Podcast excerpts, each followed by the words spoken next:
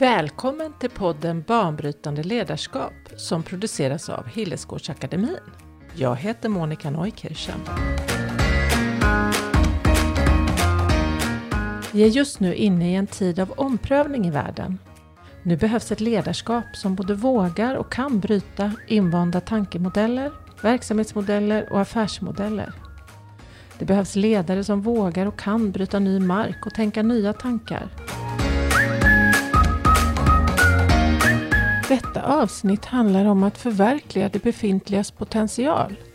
Och med mig idag har jag Jörgen Krantz.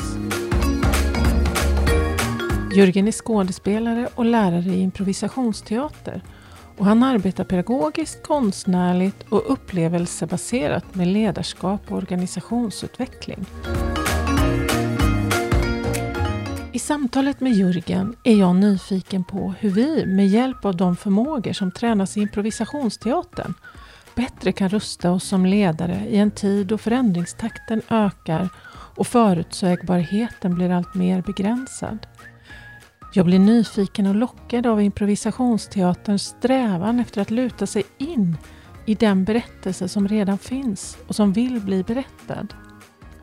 Tänk om vi skulle se så på våra organisationer. Som att mitt företags berättelse, resa och utveckling redan finns. Och att vi som ledare behöver lyssna på vad företaget vill och följa det istället för att försöka kontrollera och bemästra. Att se det egna företaget som levande och att som ledare då vara inlyssnande, följsam och skapande tillsammans med andra. Jörgen och jag pratar om myten om att vi skapar våra liv. Och om hur vi i själva verket skapas i mötet med varandra. Vi pratar om hur vi i våra interaktioner med varandra hela tiden stoppar in kilar som hämmar den berättelse som pågår och som vill fortsätta. För att vi följer vår egen agenda snarare än berättelsens. Vi pratar om att föra och följa att interagera och samspela. Välkommen till ett samtal om verksamhetsutveckling, improvisationsteater och om att förverkliga det befintligas potential. Hej Jörgen! Hej! Hej! Vad kan improvisationsteatern lära mig som verksamhetsutvecklare och ledarskapsutvecklare? Och anledningen att jag har bjudit in dig till den här podden, det är ju för att jag anar eh, och har börjat utforska vad det skulle kunna vara. Jag tänkte innan jag börjar fråga dig saker och släpper in dig, för du ska ju få prata mest här, så tänkte jag att jag ska bara börja med ja, men anledningen till att jag just nu är väldigt nyfiken just på improvisationsteater. Och eh, då hände det sig så att jag, min son och min man gick på Stockholms improvisationsteater som har varje år eh, den improviserade slagerfestivalen. Den eh, är på en jättefin teater med röda sammetsgardiner och, och man sitter på rad så här. För mig då, som jag har varit på den teatern på föreställningar tidigare och då finns det liksom ett spel som pågår som är jag som publik går och sätter mig och så, och så tittar jag, jag konsumerar det som händer på scen och några skådespelare levererar det. Och eh, ja, men best, vid bestämda tillfällen så, så applåderar jag genom, ja, men för att visa att jag uppskattar det de gör. Och sen eh, går jag därifrån och känner att oh, nu är jag uppfylld av någonting, eller jag, det har väckt känslor i mig eller så. Men jag har ju inte varit delaktig, utan jag har tagit emot någonting som några på scenen har repeterat in, som ytterligare någon har skrivit och ytterligare någon har regisserat. Så det finns väldigt tydliga roller i, eh, i den här teatersättningen.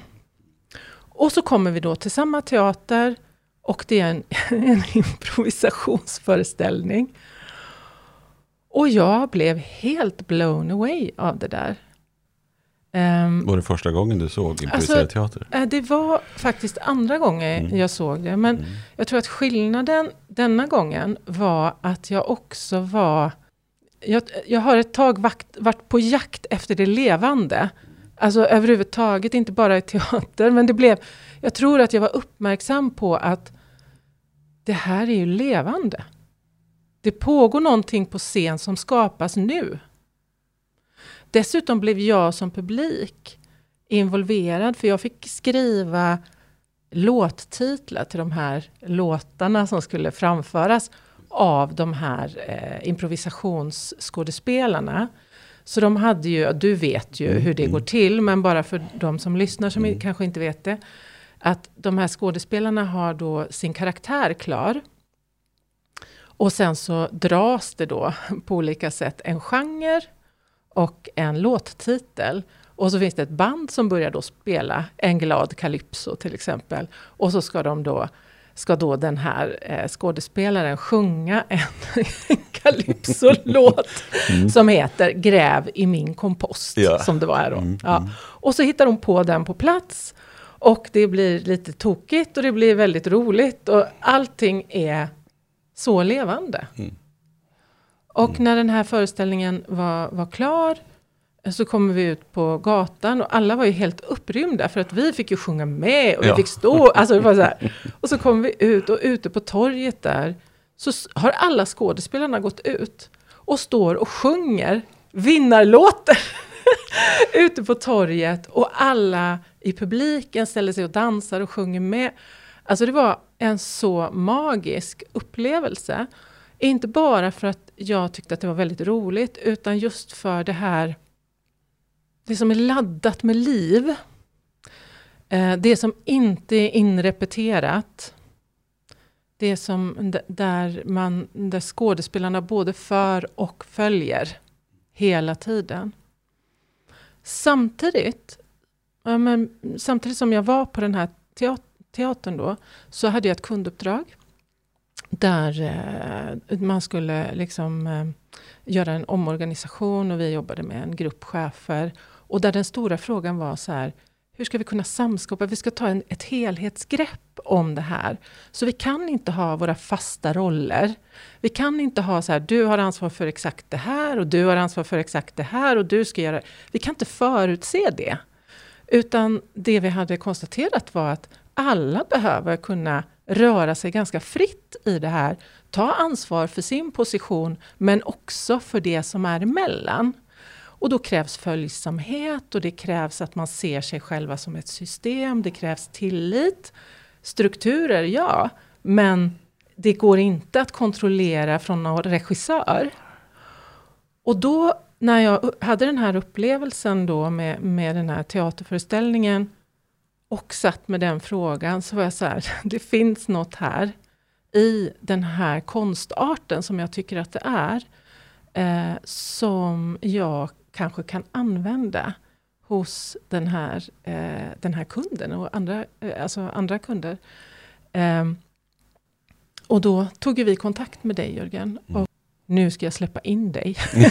Vad tänker du kring det här? Ja, nej, men bara en, en första eh, spontan reflektion är att vi brukar tänka som improvisatörer att, att vi är skådespelare, men vi är också regissörer och textförfattare. Och i viss mån också scenografer. Alltså mm. vi har många roller på en och samma gång. Mm. Just för att berättelsen skapas nu och den ja. gestaltas nu i samspel mellan oss.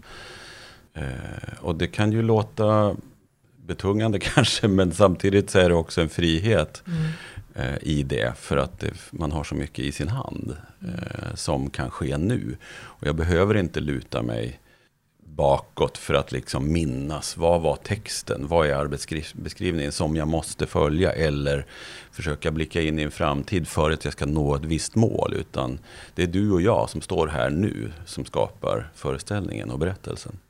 Men vad är det då? För att om jag gör den här mm. analogin mm. med en, med en mm. organisation så pratar man ju om tillit, mm. så här kontroll. Mm. Vi ska gå från kontroll till tillit. Ja, tillit mm. till vad då? Vad är det då?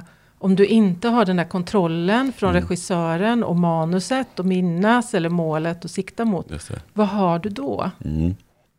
Jag brukar tänka att improvisationsteater är ett annat sätt att förklara vad improvisationsteater är. För när man säger improvisationsteater så tänker man ju genast jag tror att många tänker liksom underhållning, knasigt roligt. Mm. Kanske, man kanske till och med tänker åt stand-up-hållet. Ja, eller liksom sådär. Ja. Eh, och det kan det bli. Slutprodukten kan vara underhållning, mm. verkligen. Men själva hantverket, det som vi tränar på, det som framförallt eh, jag tror jag också lägger vikt vid när vi tränar på det här. Det är att förverkliga det befintligas potential. Improvisationsteater är en träning i att förverkliga det befintligas potential. Är du med? Ja, jag börjar nästan gråta. och vad jag menar när jag säger det, det är att det befintliga, det är du och jag. Mm. Det är ingenting annat på den här scenen. Vi har inte mm. ens rekvisita många gånger. Mm. Ibland kan man ha en soffa eller en käpp eller en kavaj eller något sånt där. Men många gånger, jag gillar när vi faktiskt inte har någonting på scenen. Utan vi har dig och mig och så kanske vi har ett par stolar. Det är svårt mm. att spela att man sitter. Ja. så det kan man få med. Ja. Men annars har vi liksom, har vi, det är bara du och jag på scenen. Du och jag är det befintliga. Mm. Vår strävan här, det är att förverkliga. Att göra vad vi kan för att du och jag, vår potential ska verkligen komma fram. Mm. Och komma till uttryck här på scenen. Mm. Och då med, i samarbete också med att vi har en publik. Så att det ska vara liksom tillgängligt för publiken också i ett samspel med publiken. Så, mm. så att de ingår också i, i det här befintliga som är här just nu. Mm. Det spelar roll vilka som är i publiken. Det är skillnad vilka som är i publiken. Vi gör inte samma föreställning eh, kväll efter kväll utan det beror på vilka som är där. Och vad vi har haft för dag som skådespelare, vad vi har med oss. Har jag en bra dag, är jag på bra humör, är jag lite långsam, är jag lite trög, men det får vara med. För att det är det som är befintliga och det är det vi ska förverkliga, den potentialen. Så hur kan man, eh, och anledningen att jag sa att jag mm. nästan började gråta, ja, ja. det var för att jag knyter liksom hela tiden tillbaka då till, jag hoppas det är okej, okay, mm. min vardag som är i organisationsvärlden, mm. Eh, där jag men jag, jag, bär nästan en stor, jag bär en stor sorg över att så mycket potential går förlorad. Eh, för att människor inte får plats på det sättet som du beskriver då kopplat till scenen. Och så sa du, vad är, alltså du sa någonting så här, det tränar vi på. Mm. Ja, vi tränar på det inom improvisationsteatern. Det är hantverket. Ja, så, så vad tränar ni på? Mm. Och hur gör ni det? Vi tränar på att, att ta plats på en scen.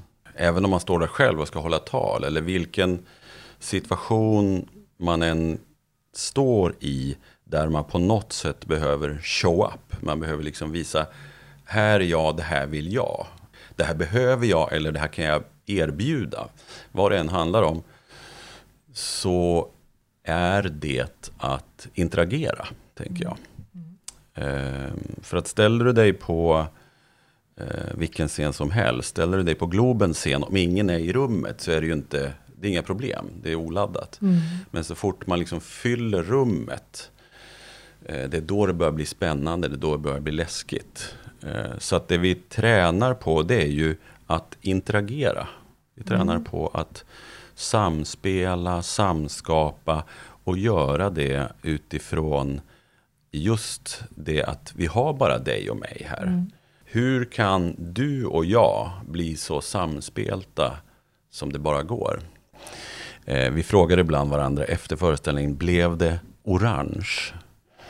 Och då betyder det, det är liksom en metafor för att om jag är röd och du är gul och vi går in på scenen så är vår strävan att det ska bli orange. Det vill säga att ditt gula och mitt röda verkligen får mötas och skapa någonting nytt, någonting tredje, något som inte, något som inte fanns där innan vi började mm. interagera med varandra. Det handlar om att vara samspel, lyhörd och liksom, mm. vem är du, hur ser din färg ut? Mm. Att verkligen ta in det. Men det handlar också om att visa upp sin egen färg. Mm. För att om du är jättegul och jag inte visar mitt röda och jag är jättelyhörd för dig men jag tar inte plats, då blir det inte orange, då blir det inte en ny färg heller.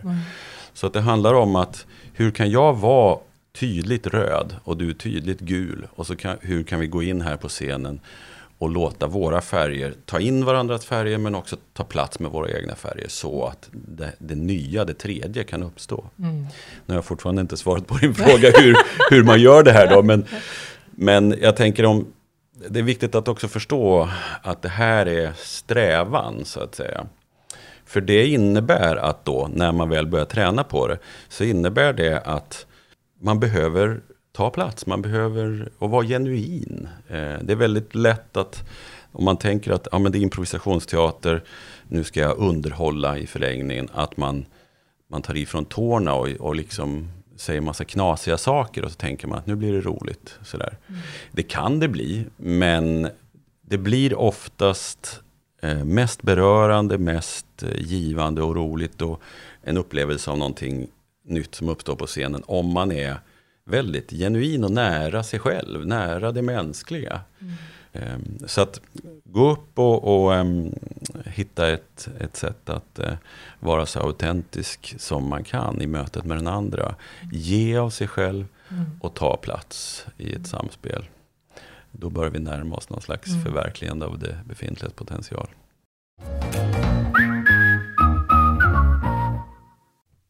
Jag har ju gått en kurs i improvisationsteater för dig Jörgen och eh, vid flera tillfällen då eh, så sa du till oss att vi skulle liksom luta oss in i berättelsen. Som att vi skulle lyssna, som att det var en berättelse där på golvet på scenen som redan fanns och att vi skulle kliva in i den snarare än att försöka ta kontrollen och tänka ut fiffiga repliker och sådär. Eh, så vad är det som gör eh, att man både på improscenen och på andra scener, i mötesrummet, på jobbet till exempel, har den här starka dragningen åt att vilja ha kontroll? Ehm, um, har, har, du några tankar kring det? Jag tänker att vi sedan några hundra år har levt i en uppfattning om att vi kan skapa våra liv. Du kan bli vad du vill, bara mm. du jobbar hårt för det. Mm.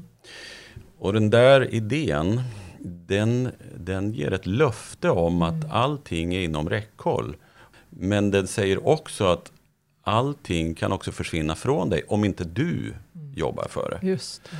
Så att liksom hela den här, det här paradigmet eh, som jag tänker vi har levt i under några hundra år nu. Mm modernismen, upplysningstiden dessförinnan så att säga. Som har byggt upp till att människan är otroligt kraftfull och förmögen att påverka sin värld.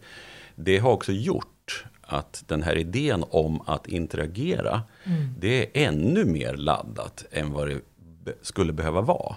Därför att allt vad jag behöver eh, finns inom räckhåll. I de och jag ska se sammanhang. till att få dem. Ja, men exakt. Liksom. exakt. Och lyckas jag, mm. då kommer folk att hurra för att det är häftigt att se någon lyckas. Men misslyckas jag, så kommer folk att oja sig, men någon kommer att gå därifrån, han misslyckades. Mm. Så att liksom allting är upp till mig. Och det tänker jag är en, ja, det är en, det är en grov missuppfattning vi lever i. Mm. Därför att egentligen borde det vara lika självklart att ställa sig på en scen och interagera med en publik som det är för ett träd att växa upp och få sol mm. på sig och ha sina rötter i marken, i jorden och det kommer vatten och värme. Och, och på vintern vilar det och tar det lugnt och på våren börjar det hända mm. någonting och sen kommer sommaren och så bär det frukt till hösten och sen så vilar man igen. Vi funkar inte annorlunda rent biologiskt mm. än vad träd, djur, buskar eh, gör. Så att eh, vi är lika beroende av interaktionen som de är. Och eh, i naturen när ekologin får fungera som den ska, då, då funkar det ju. Då, då funkar saker. Det vi har liksom haft liv på det här stället i tre och en halv miljarder år eller sånt där. Så att det finns någonting som fungerar redan. Och det där skulle vi, om vi kunde lita på det, det. och också um, vara med på det. Även när jag sitter i publiken. Att ja. jag är viktig för dig som står ja. där framme ja. på scenen. Du hur behöver vi, mig. Hur vi hänger ihop. Ja, vi hänger ihop. Inom organisationsvärlden så pratar man ju mycket idag. Det kom en bok för några år sedan som heter Reinventing Organizations. Eh, där man pratar liksom om Eh, man pratar om, om syfte och evolutionary purpose. Och då, och då tänker jag på det här trädet som mm. växer och vet när det är höst och vet när det är... Ja, att det finns någonting växande, det finns någonting levande som jag bara kan... Eller bara, men som jag kan följa med i.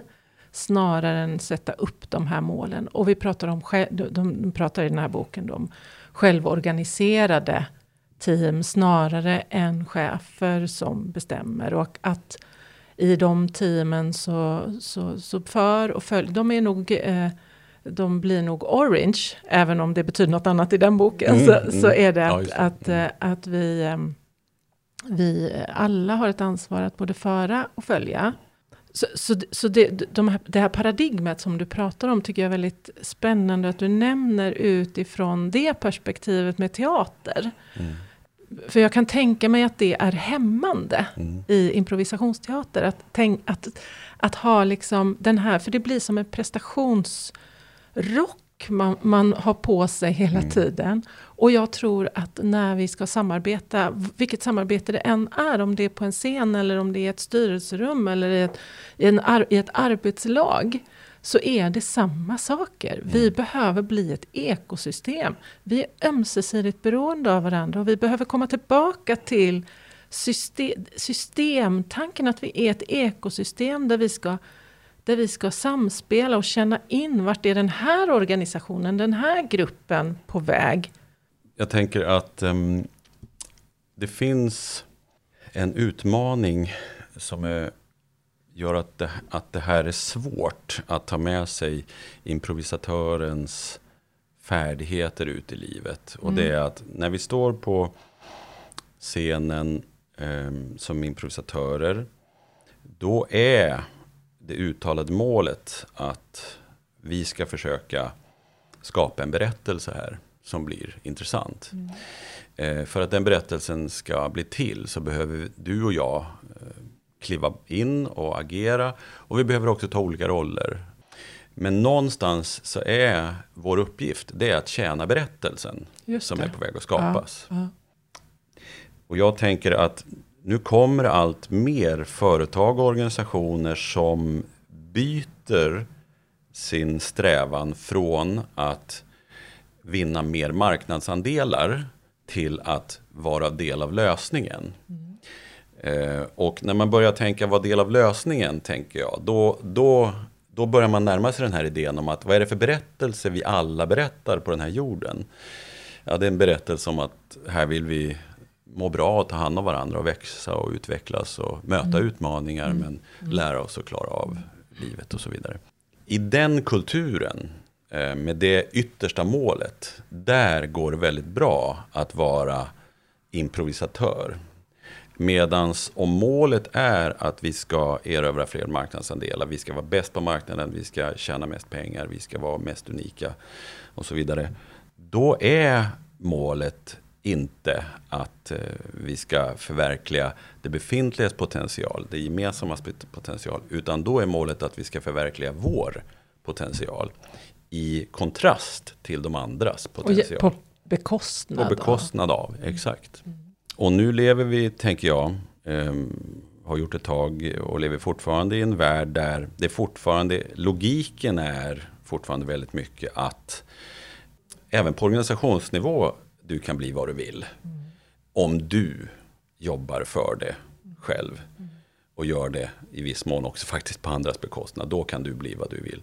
Men då, it, it takes two to, to tango som man brukar säga. Eh, ska improvisationen fungera på scenen, då behöver jag samspela med dig och du behöver samspela med mig. Så det, det, är ett skört arbete att improvisera och att vara improvisatör. Mm. För om den andra har bestämt sig för att den vill inte samspela med mig, då kommer vi inte kunna förverkliga det befintligas potential. Mm. Hur mycket jag än vill. Mm. Så att båda måste vara med på det. Alla parter i systemet måste eh, vara med på att ska vi improvisera oss fram och vara lyhörda och samspelta och få saker och ting att växa och leva, som du pratade om i början. Då behöver strävan vara att berätta en gemensam berättelse. Och har vi andra agendor, då kommer det att käppa, sätta käppar i hjulet mm. för oss på vägen. Mm. Så, så där finns också en utmaning. Och jag menar, ett, ett litet system är i förlängningen en del av ett större system mm. som är del av ett större system som är del av hela ekologin. Och, mm. mm. och snart så är vi liksom i kontakt med, mm. med hela världen. Och världen dansar inte utifrån de här reglerna. Så, att, eh, så det, är, det är utmanande. Men jag tänker att det finns en väg fram och det är att börja nära. Mm. Börja i sina befintliga kont mm. kontakter, börja i de interaktioner jag har och där jag står. För kan du och jag börja dansa, då är sannolikheten större att de som finns bortanför oss också vill dansa med oss sen. Så att säga. Inte genom att köra över dem, eller liksom, för då, då dansar vi ju inte längre. Men att liksom visa att när vi dansar på det här sättet och strävar efter att vara, komma med vår färg mm. Eh, mm. och samtidigt släppa in den andra färgen så att någonting nytt uppstår. Mm. Det är då liv uppstår och det är då också tillväxt kan ske. Men inte tillväxt först och främst kanske i ekonomi utan tillväxt i att vi, vi, Växt, gener liksom, vi, ja, vi genererar mer liv här ja, faktiskt. Precis. Ja, men det var bra att du vände där till li lite hoppfull eh, mm. ton. ja. eh, för att det är, eh, nej men jag vet ju det. Mm. Eh, och jag känner, eh, jag träffar många som i allra högsta grad känner av hur svårt det är. Att vilja, alltså längta efter det levande och längta efter att vara en del av ett ekosystem snarare än att bli pådyvlad ja, men ett linjärt tänkande utifrån de där principerna som du, som du nämnde, liksom med tillväxt och marknadsandelar och sådär. Men det du säger är egentligen att bara man är två som vill interagera på det sättet så kan man göra mm. det. Mm. Absolut, och man kan ju även ensam mm. liksom bjuda upp mm. till dans och göra det genom att välja att vara både tydlig och lyhörd. Jag har ju undervisat i improvisationsteater i många år. Så att, eh, så att jag tycker mig se att många gånger är man antingen bra på att ta plats med idéer. Mm. Eller så är man bra på att vara följsam och hänga på. Men, men tricket är här att försöka bli bra på både och. Just att både ta plats med sin färg och vara lyhörd. Nej, för det handlar, ju om, eh, det handlar ju om ett typ av grupparbete som är bortom kompromiss och konkurrens och kompromisslogik. Och jag har ju varit, jag har ju varit med och är med om det. Eh, men jag har ju också varit med om eh, där, grupper där jag, där jag vill få till ett sånt mm. grupparbete eller ett sånt samskapande där det bara inte händer. Ja, och, eh, och då, då blir ju, det kan ju, jag blir ju sämre. Mm. Eh, så att när jag har upplevt att, att samskapa med någon, några, mm. eh, på, på, ett sätt där jag, där jag faktiskt känner min potential och ser att wow, kunde jag åstadkomma det här? Eh, då vill ju inte jag vara i något annat sammanhang. Jag, det är sånt slöseri. Att det inte är så i varenda interaktion. Ja. Det är sånt slöseri. Så, så, jag, hade, jag tänkte att jag skulle fråga dig så här, ja, vad krävs då för att man ska kunna interagera i en grupp, oavsett om det är på scen eller i grupprummet på jobbet, på ett sätt som, vad sa du, förverkligar potentialen Just. hos alla. Ja. Och, då, och då har du sagt några saker, mm. så jag ska ge mig på och se om, om jag eh, kan få en, en summering på ja. det. Och då säger du eh, att, att vara inlyssnande och lyhörd gentemot de andra och se vilken, vilket humör, var, var, var är den här personen, de andra personerna. Och skapa plats för andras idéer och tankar. Men också ta plats. Så både föra och följa. Att vara autentisk. Att vara så nära ditt, ditt verkliga jag utan maner och påser. Liksom. Och att vara i kontakt med dig själv. Mm. Och vara självmedveten i den meningen att du känner faktiskt efter. Vem är jag? Mm. Och var är jag idag? Bra summerat. Bra, ja. är det något annat? Så här, ett, ett, ett väldigt vanligt scenario som återupprepar sig när jag håller kurs i improvisationsteater. Det är att eh, man spelar en, en scen, man kanske, upplägget, man kanske får en liten premiss. Att ja, men ner på en fiskebåt. Och eh, kanske kommer en stor fångst idag. Vi får se. Så varsågod och spela. Det där kan vara en, liksom en, en, en ram, en liten setting. Sådär. Och då är det ganska vanligt att det går bra. Man puttrar på liksom i 30, kanske till och med 60 sekunder. Nu låter inte det så långt, men när man väl står där uppe och ska liksom hitta på i stunden så är det, det är en stund ändå. Mm. Sådär.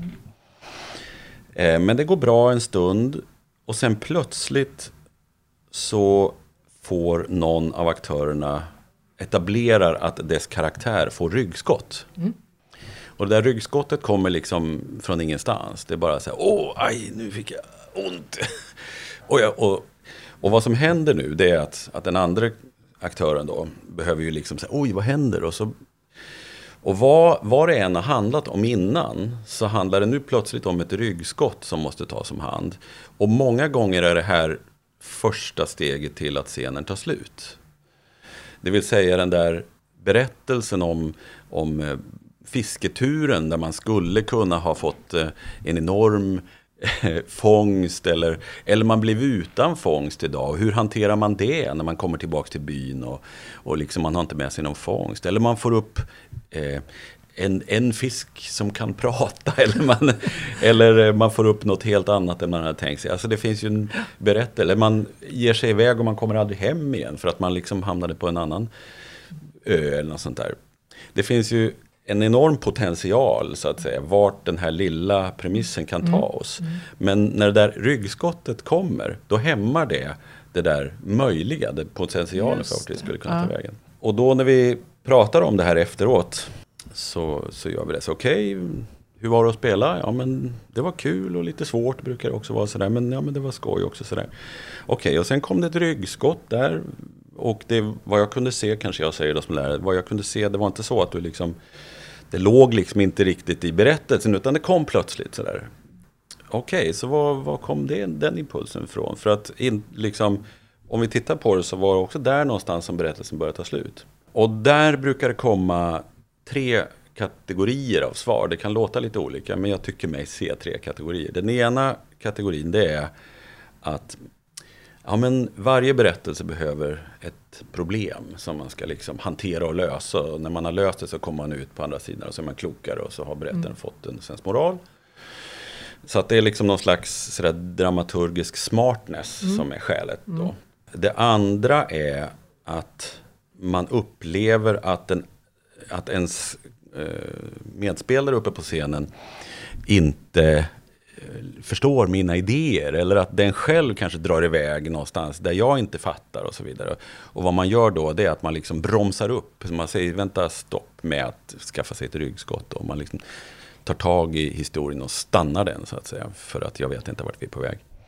Och det tredje är, eh, svaret är att eh, jag vet inte.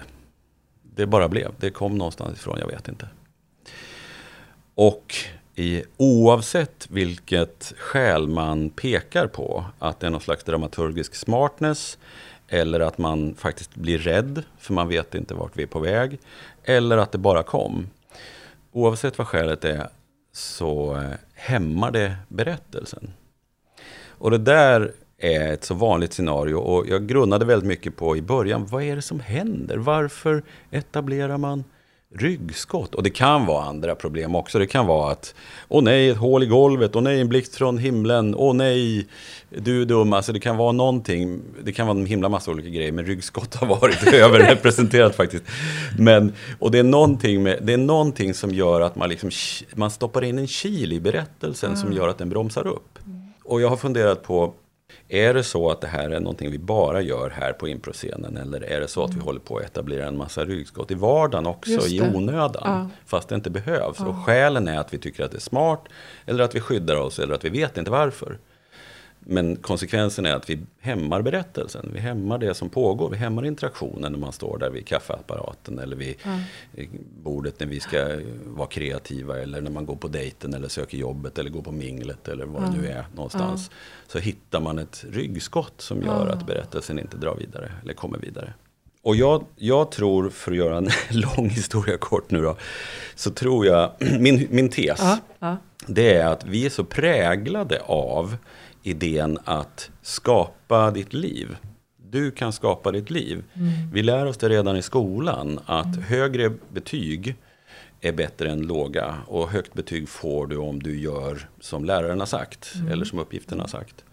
Det är mycket bra som görs i skolan, men det är ändå ett exempel på hur vi redan tidigt i vårt samhälle primerar att eh, själv vara liksom sin egen herre som skapar det liv som jag önskar mig så att säga. Och när går man in på scenen och har det medvetet eller omedvetet med sig en idé om att vad som än händer i den här scenen nu så måste jag se till att jag skapar mitt liv. Eh, och kommer ur den här scenen sen med heden i behåll och förhoppningsvis så gillar publiken mig och kurskollegorna mig lite mer när jag går ner från den här scenen och inte lite mindre. Då blir det rimligt att man tar till förklaringar som att ja, men jag, jag var smart nog att, att liksom inte fortsätta en berättelse som, på, som jag inte visste någonting vart den skulle ta vägen. Eller jag, det var klokt av mig att, för nu blev jag rädd, jag visste inte vart det var på väg. Eller jag vet inte, vi är så tränade i att, att liksom att se till att jag inte förlorar kontrollen över situationen. Så att det är viktigare för mig att, att stoppa in en kil i den potential som finns än att jag inte vet vad som Mm, händer stå sen. ut i det, exakt, liksom. Exakt.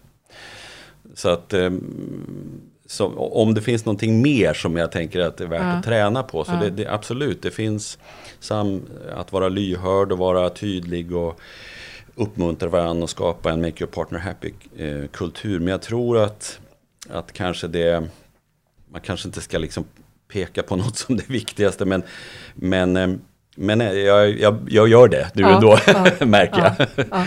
Och det är, tror jag, att liksom, kan man gå upp på scenen med övertygelsen om att jag behövs här och du behövs. Och ehm, att du tar plats, det behövs. Att jag tar plats, det behövs för att det ska bli en berättelse överhuvudtaget. Så att om vi kan liksom skifta idén från att gå in med en idé om att jag kan antingen lyckas eller misslyckas. Att det är de två alternativen som finns. Kan jag släppa den idén till att gå upp på scenen med en upplevelse att jag är deltagare. Lyckas eller misslyckas finns inte riktigt. Utan här handlar det bara om att vara del av berättelsen. Och följa med och skapa det liv som vill skapas nu i den här interaktionen. Eh, då kan jag inte misslyckas. Men jag kan inte heller lyckas. Så att jag, jag måste också lämna idén om att jag skapar mitt liv.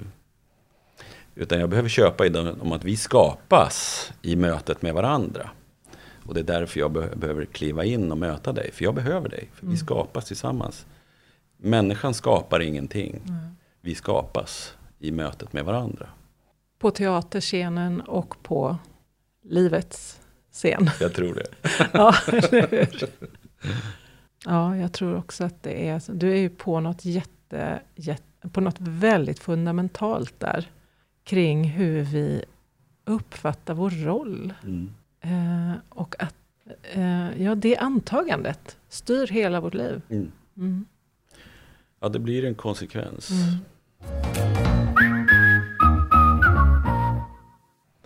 Precis innan vi skulle sätta oss här, eh, Jörgen, Mm. så, så satt jag i ett eh, digitalt möte. Eh, så utan att gå in eh, på detaljer om det mötet så, så kom jag ur mötet med en, en väldigt jobbig känsla av att inte bli mottagen och inte bli mött och inte bli sedd. Och att det fanns ett sånt gap mellan det som sades och hur det är. Och inget utrymme för mig att få respondera på det och sådär. Och då, och då var det så fint för att du, du gjorde en liten övning med mig. Mm. Eh, Kan inte du berätta om den övningen och lite grann Mm. kring liksom tankar? För det, det blev väldigt, väldigt kraftfullt faktiskt. Mm, Även om mm. det var lite på kul och sådär. Mm, mm. Jo, men ehm, eh, jag uppfattade ju att du var väldigt tyngd och drabbad liksom av det här av den här icke-dansen då, om vi använder de här mm, metaforerna. Um, och så um, tänkte jag som jag har spelat ganska mycket rollspel så där, i ledarskapsutbildningar och, och, och, varit den här äh, medarbetaren eller kollegan eller kunden som man ska träna på att hantera. Så att jag har spelat eh, jobbig typ väldigt mycket. Och eh, det är ju jättespännande men samtidigt om man, om man har äh, sådär ett gäng olika såna jobbiga typer som man ska spela under en och samma dag så behöver jag också hitta ett sätt att hantera det här. Att eh, var är jag och var är karaktären som jag har spelat? Var är liksom rollen som har fyllt en funktion här? Så efter um, de här rollspelen så brukar vi göra en liten avrollning. Och det var det jag erbjöd dig nu då, att jag kunde hjälpa dig bara med en liten avrollning där eh, du fick lite konkret ståendes på golvet och, och liksom med gester och andning och rörelser eh, göra tydligt för dig själv och sortera lite i tanken också bara vad är vad här? Var är Monica och var är den här eh, kuggen eller den här rollen som jag haft i det här sammanhanget där det inte var kul att vara. Så, så då gjorde vi en liten avrollning där du fick eh, både säga här är rollen och få syn på den och göra gester som visar att du liksom klär av dig den nästan som du tar av dig en overall. Och sådär. Och, och sen även förhålla dig till den där och, och se liksom kanske tala om för den där rollen att det var inget kul att vara dig. Det var verkligen utmanande och tufft. Det vill jag inte vara igen. Eh, men du kan också se att, och samtidigt fick jag syn på saker, så jag lärde mig saker av dig. Eh, jag, fick, jag, var, jag var tvungen att sätta gränser på ett sätt som jag kanske är ovan vid. Eller jag var tvungen att liksom känna på en litenhet som jag... Eller träna på att spela det spelet som Exakt. behövs ibland. Ja, men precis. Liksom. Ja, visst. Så kan man också tacka för det. Och, liksom, och sen så rent fysiskt så liksom skickar man iväg den där, kastar iväg den där ut genom ett fönster. Eller man kan föreställa sig vart man vill att det där ska ta vägen. Och sen så får man liksom bekräfta för sig själv också. Så jag kan klappa på sig själv att ja, men nu, är, nu är det jag som står här. Jörgen här står här. Mm. Monica står här. Mm. Um, så, så det var en liten sån där mm. enkel fysisk uh, upplevelsebaserad övning bara för att få, få syn på vem är jag i det här ja. sammanhanget. Att värna det autentiska jag, mm, tänker jag. Mm, mm. För att det är också lätt att helt dras in i den roll som förväntas att jag ska spela. Och nu har jag tränat så mycket på att inte göra det. Så jag mår fysiskt dåligt när jag tvingas in i sådana Alltså, för ni, både du och Daniel som stod här utanför också, speglade mig i det. Var, var glad att du känner någonting. För att jag har ju också varit i sådana roller, men inte sett att det är en overall jag har på mig. Eh, utan eh, jag är helt fången i det. Ja, men jag blev lite inspirerad av det här att också ha en teknik, en fysisk teknik, mm. liksom, mm. för att eh, uppmärksamma mig själv på, ja, men vänta det här är inte jag den jag blir i det här sammanhanget, den jag i någon mån i alla fall tvingas bli. För jag måste, om ingen vill dansa med mig så måste jag ju hitta ett sätt att nå fram på de villkoren som ges i det här mötet. Mm. Och då spelar jag den rollen. Mm. Och, eh, och så gillar jag inte mig själv i det. Jag vill inte vara det. Jag vill inte vara, går jag ut ur det mötet så vill jag eh, bli eh, någonting som är mer sant igen. Mm. Och inte en eh, påhittad karaktär. Nej, nej visst. ja men lite så Absolut, blir det ju. Och, ja. och jag tror apropå det här med potentialen mm. i människor. Så tror jag att vi har så mycket påhittade karaktärer mm. som och det är liksom om folk bara visste att det duger så himla bra med den du är. Ja. Alltså så kan jag tänka ja, ibland. Att det, vad har jag glömt fråga dig? Um, jag tänker att vi kanske har varit ganska liksom abstrakta ändå. I, eller jag har varit ganska abstrakt när jag beskriver vad improvisationsteater är och hur man tränar på det och så vidare. Så att jag vet inte om det är någon, någon fråga, så här, hur kan man rent konkret då? Liksom, ja, men då ställer jag den. Hur kan man rent konkret då? En, en, en övning som är så enkel så att den kan verka Eh, för enkel, nästan fånig. Men som ändå, tycker jag, är väldigt kraftfull om man tar den på allvar. Det är att nästa gång du pratar med någon. Eh, nu sitter ju du och jag här mitt emot varandra och liksom tittar på varandra och, och bekräftar varandra så. Men, men prova nästa gång du möter någon att vara medveten om skillnaden det innebär när du pratar med den och tittar på den. Eller om du tittar bort. För att när du tittar, då får du mer information om vad händer i vår interaktion. Eh, vad gör det här med dig? Eh, vad gör det med mig? Jag får, det påverkar också mig av att du tittar på mig. Så att ju mer kontakt jag kan skapa med den jag interagerar med, desto mer chans att vi kan förverkliga vår, det befintliga potential, menar jag att vi får.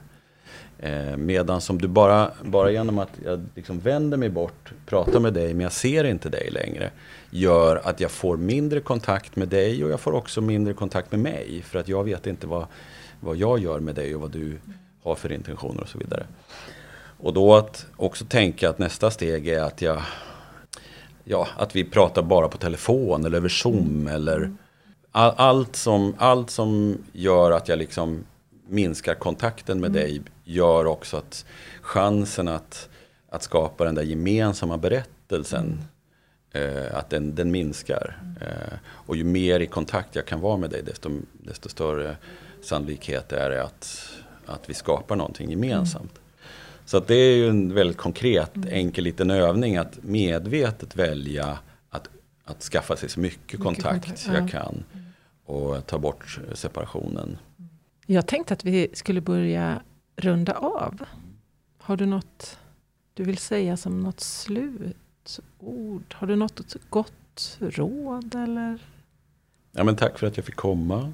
Och eh, jag hoppas att, att vi eh, sakta men säkert eh, närmar oss, vad ska jag säga, en värld både i de här små mötena mellan mellan människor men också på högre plan, organisationer och företag. Att vi börjar inse konkret att vi skapas och att vi skapar inte. Eh, utan att vi kan släppa den här, det här paradigmet mm. om att, mm. att du kan bli vad du vill. För det är inte sant. Nej. Utan när vi börjar inse att vi skapas i mötet med varandra. Då, då blir det lättare för mig att ta dig på allvar och möta dig. Och, för jag vet att jag behöver dig och jag mm. behöver inte bevisa någonting för dig eller, eller vara rädd för dig för jag vet att du behöver mig. Det får bli mitt slutord. Det var jättefint slutord. Ja, ja. Tack. tack så mycket Jörgen. Tack. tack.